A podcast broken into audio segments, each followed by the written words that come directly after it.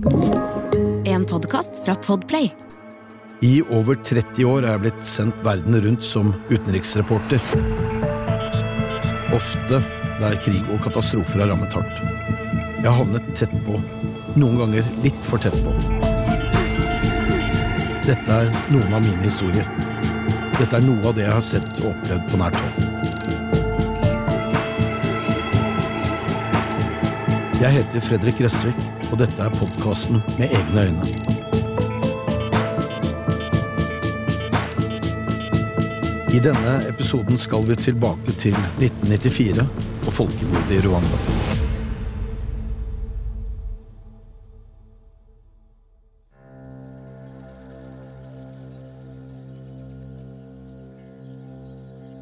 Han kunne være to–tre år gammel.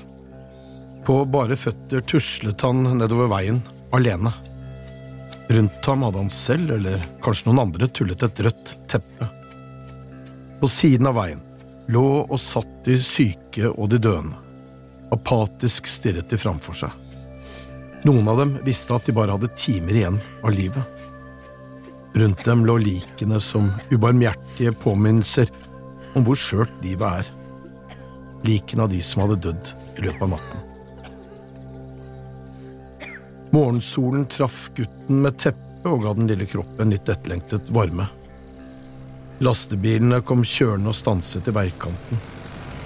De ferske likene ble løftet opp av senete armer og lempet på plan. Ble de liggende i den afrikanske solsteiken for lenge, ble stanken av forråtnelse uutholdelig.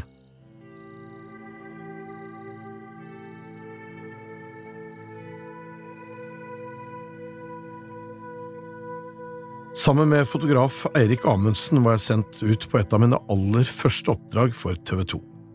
Til Goma i Zaire, det som i dag er Den demokratiske republikken Kongo. Jeg var 27 år og hadde rukket å skaffe meg en del krigserfaring, men dette var noe annet enn det jeg hadde sett tidligere. Fra nabolandet Rwanda veltet flyktningene over grensen. De fleste av dem hutuer på flukt vekk fra tutsiene, som var i ferd med å ta et oppgjør med de ansvarlige for folkemordet, et folkemord som sjokkerte verden våren og sommeren 1994. Vi fulgte ham, den lille gutten, fotografen og jeg, med kamera på. Hvor var de voksne, de som skulle passe på ham? Hadde han i det hele tatt noen? Hva hadde han sett og opplevd? Hva hadde det stakkars barnet vært vitne til? Var foreldrene hans drept? Var de også rammet av kolera? Sykdommen som på det meste tok 10 000 liv per dag i den lille byen i Saires sørøstre hjørne. Han så på oss, og plutselig var det som om det var han som fulgte oss. Var vi de eneste voksne som brydde oss om han? Vi trakk oss unna. Noen andre måtte ta ansvaret. Vi hadde knapt det vi trengte av rent vann og proteintabletter til å klare oss selv. Lenger ned i veien lå et lik tullet inn i det som kan ha vært et hvitt laken. Konturen av en kvinne på rygg. Blodet fra underlivet hadde trukket gjennom det tynne stoffet. Ved siden av lå en liten bylt. En død kvinne og hennes nyfødte barn. Ingen av dem hadde klart påkjenningen av en fødsel. Ved inngangen til den hasteoppbygde Røde Kors-leiren hadde desperate foreldre lagt fra seg spedbarn i løpet av natten, i håp om at noen kunne holde dem i live. Men der inne var det fullt. Kolerasyke småbarn lå uttørkede og døende under presenning som skulle beskytte mot sol og eventuelle regndråper. Vi var sendt ut som vitner. Det smertet å ikke kunne hjelpe, men det viktigste bidraget vi kunne gi, var å sende bilder av tragedien hjem. Kanskje ville de brutale inntrykkene bidra til at hjelpeorganisasjonenes bankkontoer ble fylt opp. Det var bare noen uker siden dette marerittet startet. Tidlig på kvelden 6. april 1994 var flyet med Rwandas president Juvenal Habiyarimana og Burundis president på vei ned mot flyplassen utenfor Rwandas hovedstad Kigali da to raketter avfyrt fra bakken traff flyet under innflyvningen. Flyet med de to presidentene eksploderte i luften og de største vrakrestene rammet av alle steder ned i Habi Arimanas egen hage. Ingen overlevde. Hvem som sto bak nedskytingen av presidentens fly, er fortsatt en gåte. Det kunne selvfølgelig være Tutsi-opprørsgruppen Rwandas patriotiske front, RPF. Eksilgruppen med hovedsete i nabolandet Uganda hadde den siste tida gjennomført en rekke angrep med mål om å ta makten fra landets hutu-majoritet. Men hele tiden har det vært rettet beskyldninger mot landets militære styrker for å ha stått bak nedskytingen. Kunne de ha gjort det for å bruke presidentattentatet som en unnskyldning for å iverksette en massakre på landets tutsier? Alt som skjedde i timene og dagene etter nedskytingen, tyder på at planene for en slik massakre allerede var lagt. I flere tiår hadde det vært skarpe gnisninger mellom Rwandas hutuer og tutsier. Hutuene var tradisjonelt bønder, mens tutsiene i hovedsak hadde vært kvegeiere. At tutsiene ofte var lysere i huden og mer høyreiste enn hutuene, kan ha bidratt til at de ble foretrukket av Rwandas belgiske koloniherrer. Dette igjen bidro til at tutsiene i større grad fikk mer betrodde stillinger og oftere tilbud om høyere utdanning. Med det kom også høyere lønn og politisk makt. Misnøyen med at en folkegruppe ble tilgodesett på en slik måte steg og fra tid til annen kom det til væpnede sammenstøt og opprør. Da belgierne trakk seg ut på begynnelsen av 1960-tallet og overlot Rwandas befolkning til seg selv, var det ikke lenger en væpnet styrke som kunne gå imellom når misnøyen nådde kokepunktet. Det ble farlig. I 1973 tok Hutun Juvenal Habiyarimana makten i et militærkupp og satt altså med makten helt til to raketter traff flyet hans over 20 år senere. I løpet av timer var massakrene i gang. Rwandas ordinære hær og den hutu-dominerte folkehæren Inter Hambe satte opp kontrollposter hvor folk ble bedt om å legitimere seg. De som hadde ID-kort som viste at de var tutsier, ble likvidert på stedet, skutt eller slått i hjel med macheter. Samtidig åpenbarte større lagre med skarpslipte macheter seg. De halvmeter lange knivredskapene ble utdelt til hutuer, som igjen ble oppfordret til å slå i hjel sine egne landsmenn. Hakke de til døde. Voksne, eldre, barn, kvinner og menn. Ingen av kakerlakkene, som tutsiene nå ble kalt, skulle spares. De skulle myrdes slik at man en gang for alle ble kvitt dette brysomme folkeslaget. Via den statlige radiokanalen gikk ordrene ut, fordi det ikke alltid var så lett å skille hutuer fra tutsier, ikke minst på grunn av alle blandingsforholdene ble det lest opp navnelister over hvem som skulle myrdes. Hundrevis, etter hvert tusenvis av navn. Lagrene med macheter mer enn antydet at dette var nøye planlagt. Nå var det nabo mot nabo, familiemedlem mot familiemedlem. De hakket hverandre til døde, lot knivbladene falle med stor makt mot små barnehoder. Kvinner fikk brystene skåret av og ble voldtatt med macheter. Symbolene på tutsienes fruktbarhet skulle ødelegges. Tutsi-landsbyer ble angrepet. Noen steder ble alle skutt. Andre steder gikk drapsmennene inn i landsbyer og hugde føtter og hender av befolkningen. Foreldre lå hjelpeløse på bakken og så sine barn dø til døde. Spedbarn ble løftet opp etter føttene og slengt med stor makt mot murvegger, slik at de små skallene sprakk. Tusenvis, titusener, hundretusener, mens verden toet sine hender, den internasjonale feigheten skulle bli stående som et ynkelig øyeblikk i menneskehetens historie. Galskapen fikk pågå altfor lenge. Året i forveien, i februar 1993, hadde RPF angrepet nordlige deler av Rwanda. Én million hutuer, en sjuendedel av Rwandas befolkning, la på flukt. Nå var oppgjørets time kommet. Hevnen en fredsbevarende FN-styrke var satt inn for å holde folkegruppene fra hverandre. Styrkesjefen, den canadiske generalen Romeo Dallaire, hadde 2500 mann under sin kommando. Allerede i januar 1994 hadde han advart om at planleggingen av et folkemord i Rwanda var under oppseiling. Han ga sjefene sine i FN-hovedkvarteret i New York beskjed om at massakrene kunne være nært forestående, og at han trengte forsterkninger. Dallaire ble ikke bønnhørt. Forsterkningene uteble, og han fikk klar beskjed om at FN-styrken ikke hadde mandat til å blande seg inn hvis det skulle komme til kamper mellom Rwandas to folkegrupper. 9. april forsøkte Dallaire nok en gang å få FN til å stanse massakren. Igjen var beskjeden fra FNs sikkerhetsråd at han ikke ville få mer ressurser, og at soldatene skulle trekke seg tilbake heller enn å gå væpnet inn for å beskytte tutsiene. Dødstallene steg kraftig. Grupper med tutsier veltet over grensene til nabolandene Zaire, Burundi og Tanzania. Mange av de som ikke klarte å forlate landet, søkte tilflukt i kirker og sykehus. Mest kjent er nok historien om en gruppe tutsier som tok seg inn på hotell de Milcolin i Kigali.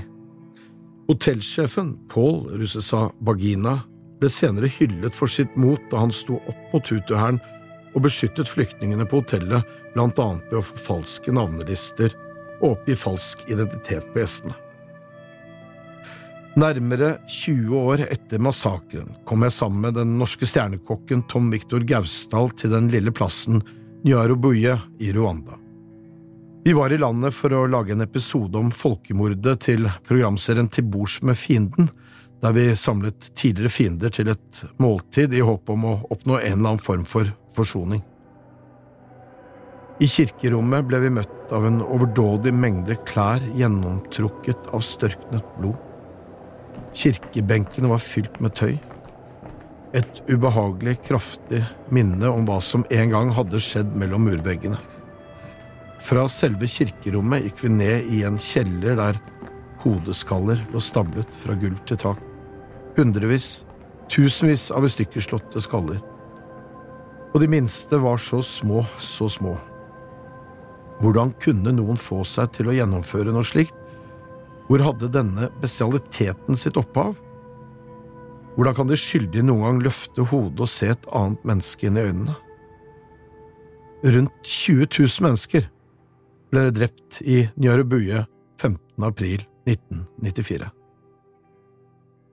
Selv ikke da meldingen om den grufulle massakren nådde New York, viste noen mot nok til å gi general Dallaire den støtten han ba om. Verden brydde seg rett og slett ikke noe særlig. I hvert fall ikke nok.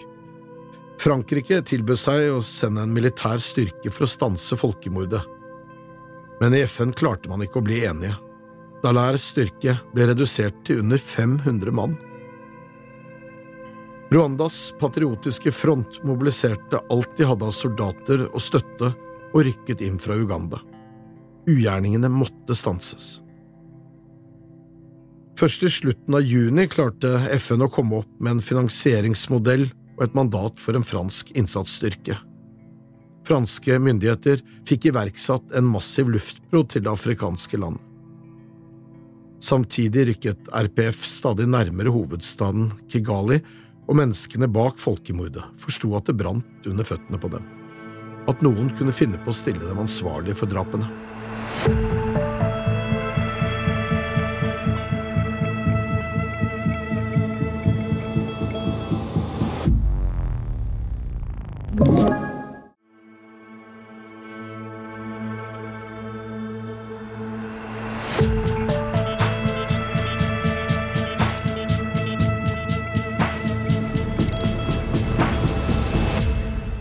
Det kan være at så mange som én million mennesker ble drept i løpet av de hundre dagene massakrene varte.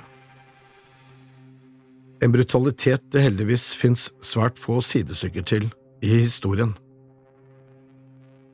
Opp mot en halv million kvinner ble voldtatt og skjendet, mange av dem tvunget til å bære fram fiendens barn, slik vi har sett i andre kriger andre steder. Nå var det hutuene som la på flukt. De franske styrkene stanset massakrene der de kom til. Rwandas patriotiske front og organisasjonens leder Paul Kagame slo effektivt ned motstanden de møtte, og inntok hovedstaden Kigali. Kagame er for øvrig Rwandas president i dag. Hutur formelig veltet over grensene til Rwandas naboland. Til Goma i Zaire kom det mange, altfor mange, drapsmenn og kvinner på flukt fra en uviss skjebne. Den lille byen kunne ikke absorbere folkemassene, og sykdommer spredde seg blant flyktningene. Det dødelige kolerautbruddet satte verdenssamfunnet på enda en prøve. Men nå ble det mobilisert. Flauheten over ikke å ha maktet å stanse folkemordet hadde gjort internasjonale ledere handlingsdyktige, omsider. Store nødhjelpssendinger ble sendt av gårde. Mengder med utstyr, medisiner, vannrenseanlegg og mat. Telt, tepper, fødeklinikker, klær, byggutstyr, sprøyter, ris, mel. Svære ukrainske transportfly gikk i skyttel mellom Nairobi og de andre større afrikanske hovedstedene og Goma. Journalister fra hele verden satt mellom kaoset av kartonger og utstyr på vei til de trengende.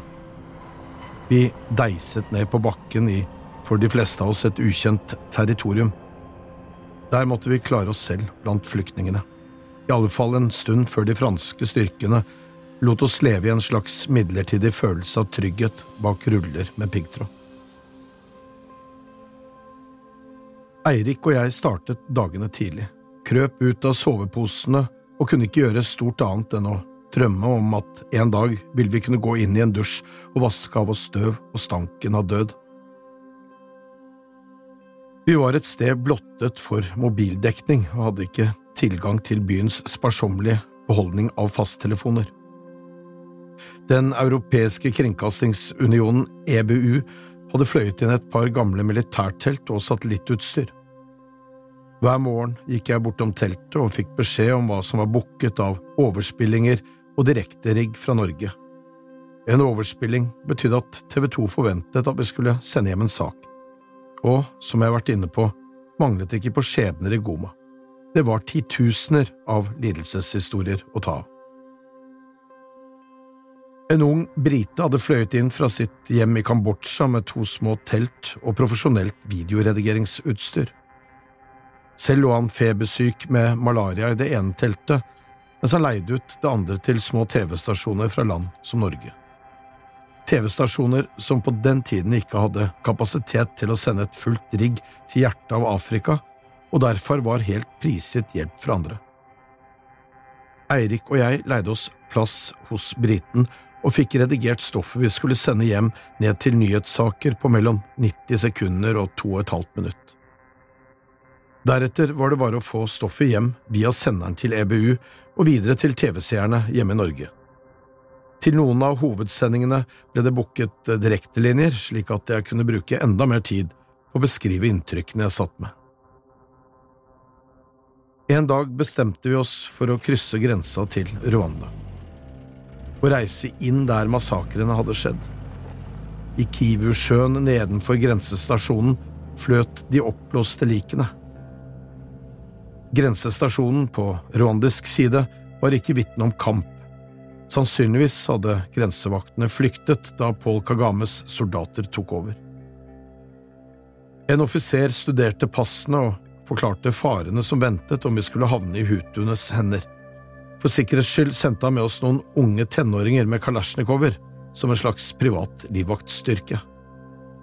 Tidlig under massakren hadde drapsmennene stolt vist fram sine ugjerninger. Vestlige journalister ble vinket inn i landsbyer for å bevitne bestialiteten. Det kom rapporter om at de ventet med å knuse skaller og lemleste tutser på det mest bestialske til fotografene var på plass, stolte, sikre på at de gjorde det rette. Andre meldte om rasende angrep på journalister. Situasjonen var farlig, og ytterst få var igjen i Rwanda. Vi ble møtt av nedbrente hytter. Hevnaksjonen hadde også vært blodige. Drapsbølgen skyldte plutselig den andre veien. Allerede etter et par dager hadde vi skaffet oss en egen sjåfør i Goma. Hassan kjørte oss rundt i en Toyota varebil. Han var selv flyktning, hutu.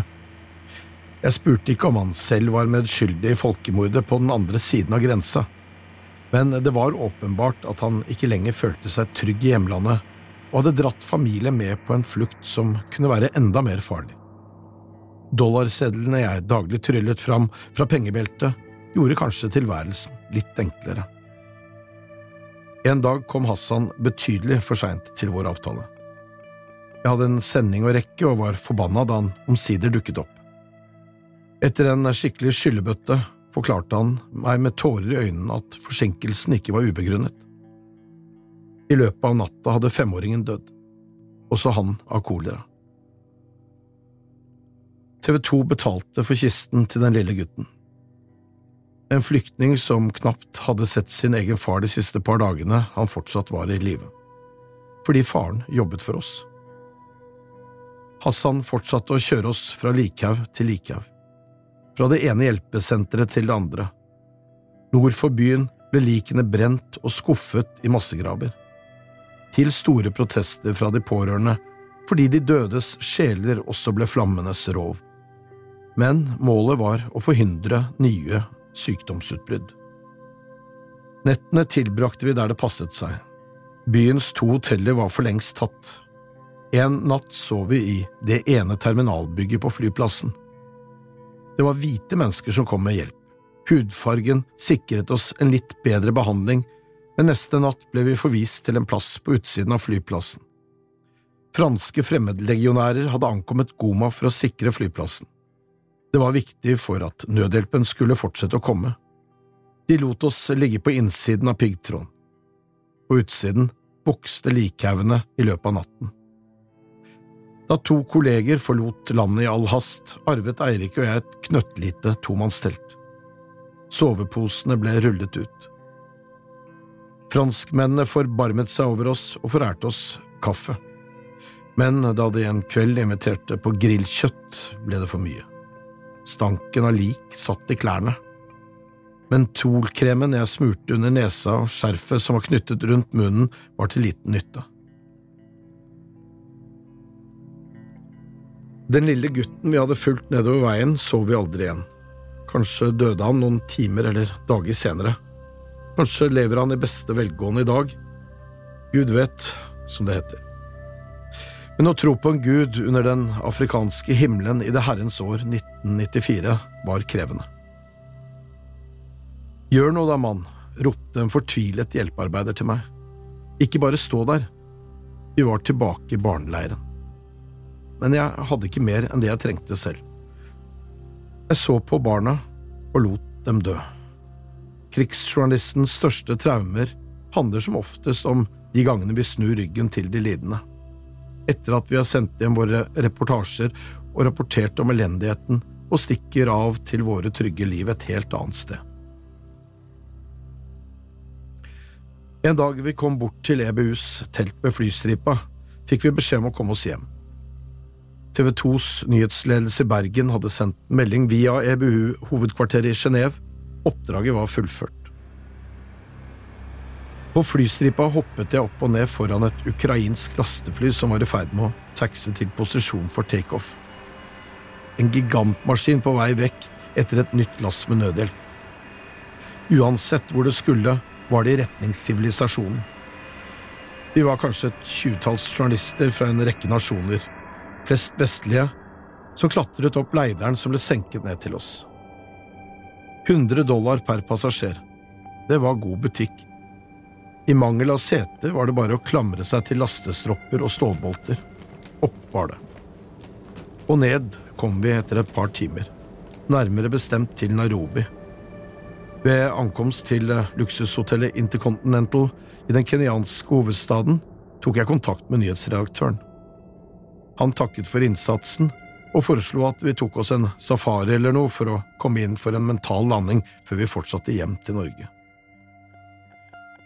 Løver, sjiraffer og neshorn hadde lite å stille opp med i konkurransen om skjellsettende inntrykk. Minnet om en myk seng, en kald øl og bugnende frokostbuffeer sitter sterkere i. Vi fløy hjem, Eirik og jeg, og der kunne egentlig historien om folkemordet i Rwanda og vennskapet med den sørgende flyktningen Hassan vært avsluttet for mitt vedkommende. Men med årene har jeg lært meg at det ikke alltid er slik det går.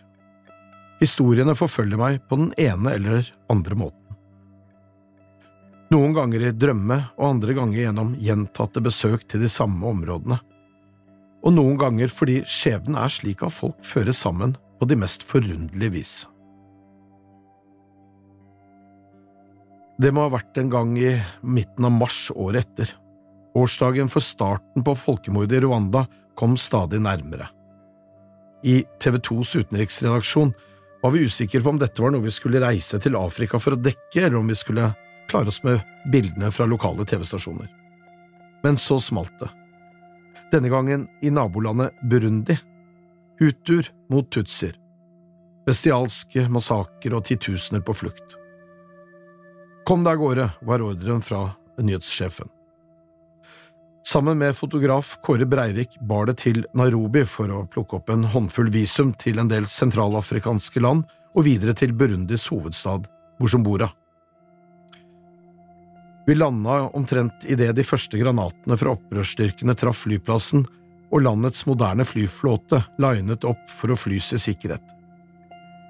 I noen dager fulgte vi flyktningene og dramatikken, vi traff kolleger i baren den ene kvelden og fikk budskap om deres brutale død den neste. Til tider kom vi litt for tett på ubehagelighetene, drapene og volden. Men som vanlig kom vi oss alltid unna.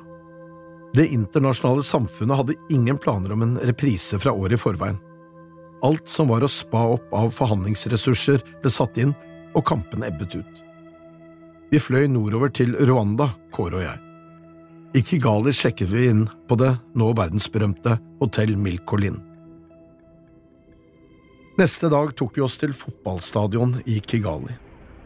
Hundrevis av lik fra året i forveien var gravd opp fra massegraver. Nå lå de ti og ti i store kister. Stanken var om mulig mer uutholdelig enn året før. Sørgende kvinner i fargerike drakter sprayet parfyme langs glipene i kistene og bidro med det til en enda mer kvalmende stank. Det var godt ment. Ved justisministerens kontor hentet jeg stemplede og signerte tillatelser til å besøke sentralfengselet i Kigali. Belgierne hadde i sin tid bygd det kvadratiske byggverket av teglstein med ett vakttårn i hvert hjørne for å holde kontroll på befolkningen de okkuperte. Nå huset fengselet med 800 plasser 5000 fanger. Papirene fikk oss gjennom slusen og inn til et usannsynlig fangehelvete. 5000 mann, alle anklagd for folkemord. Vokterne var på utsiden, vi var på innsiden. Kåre og jeg så på hverandre og var ganske usikre på hva dagen hadde i vente, og fangene, mørke menn i knallrosa drakter og luer, så på oss. Idet jeg tenkte at uh, absurditeten hadde nådd en slags topp, kom det et rop fra folkehavet. Fredrik! Fredrik! Jeg stirret mot en mann som hoppet entusiastisk i været mens han ropte navnet mitt på fransk og presset medfanger til side for å komme nærmere.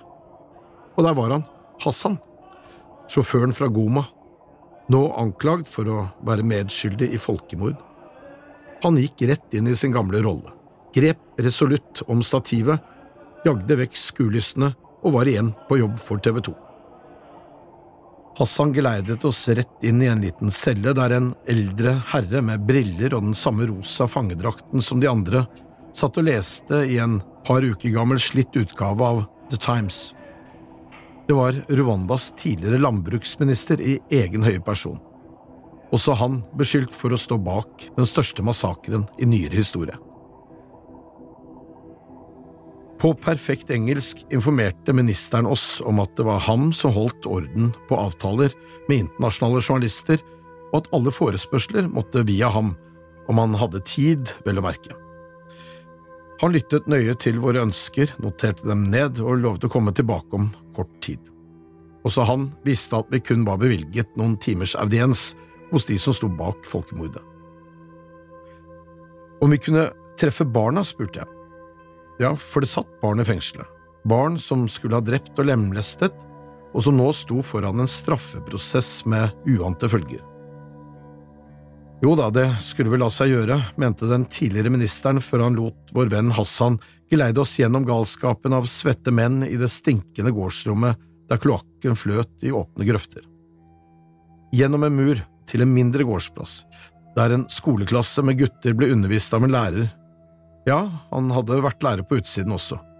Med tavle og kritt forklarte han ungene hvordan verden fungerte. Den yngste guttungen het Kob Gemana. Jeg spurte hva i all verdens navn han gjorde i fengselet, var svaret at han visstnok skulle ha skåret strupen over på sine egne foreldre. For en verden vi lever i. For en verden! Jeg løftet sjuåringen opp på fanget og spurte om han visste hvorfor han var der. Kobgimana så på meg, ristet på hodet og sa nei. De hadde visst bare kommet og hentet ham, politiet eller noe sånt, og kjørt ham til fengselet. Rwanda, de tusen kolders land, denne Afrikas frodige oase. Hva gikk så galt? Var det arven fra koloniherrenes herjinger, eller noe mer? I løpet av noen dager tok Røde Kors affære, og ungene ble fraktet ut og plassert i egnede leire. Ansvaret lå selvfølgelig ikke hos dem. De fleste drapsmennene slapp unna med korte straffer. Forsoning trumfet hevn. Rwanda skulle videre. Nasjonen skulle overleve.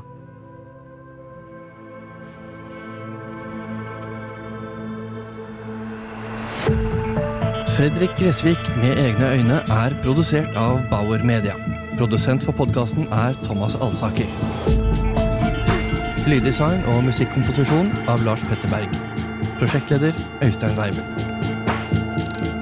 Hør flere episoder av denne podkasten gratis på podplay.no.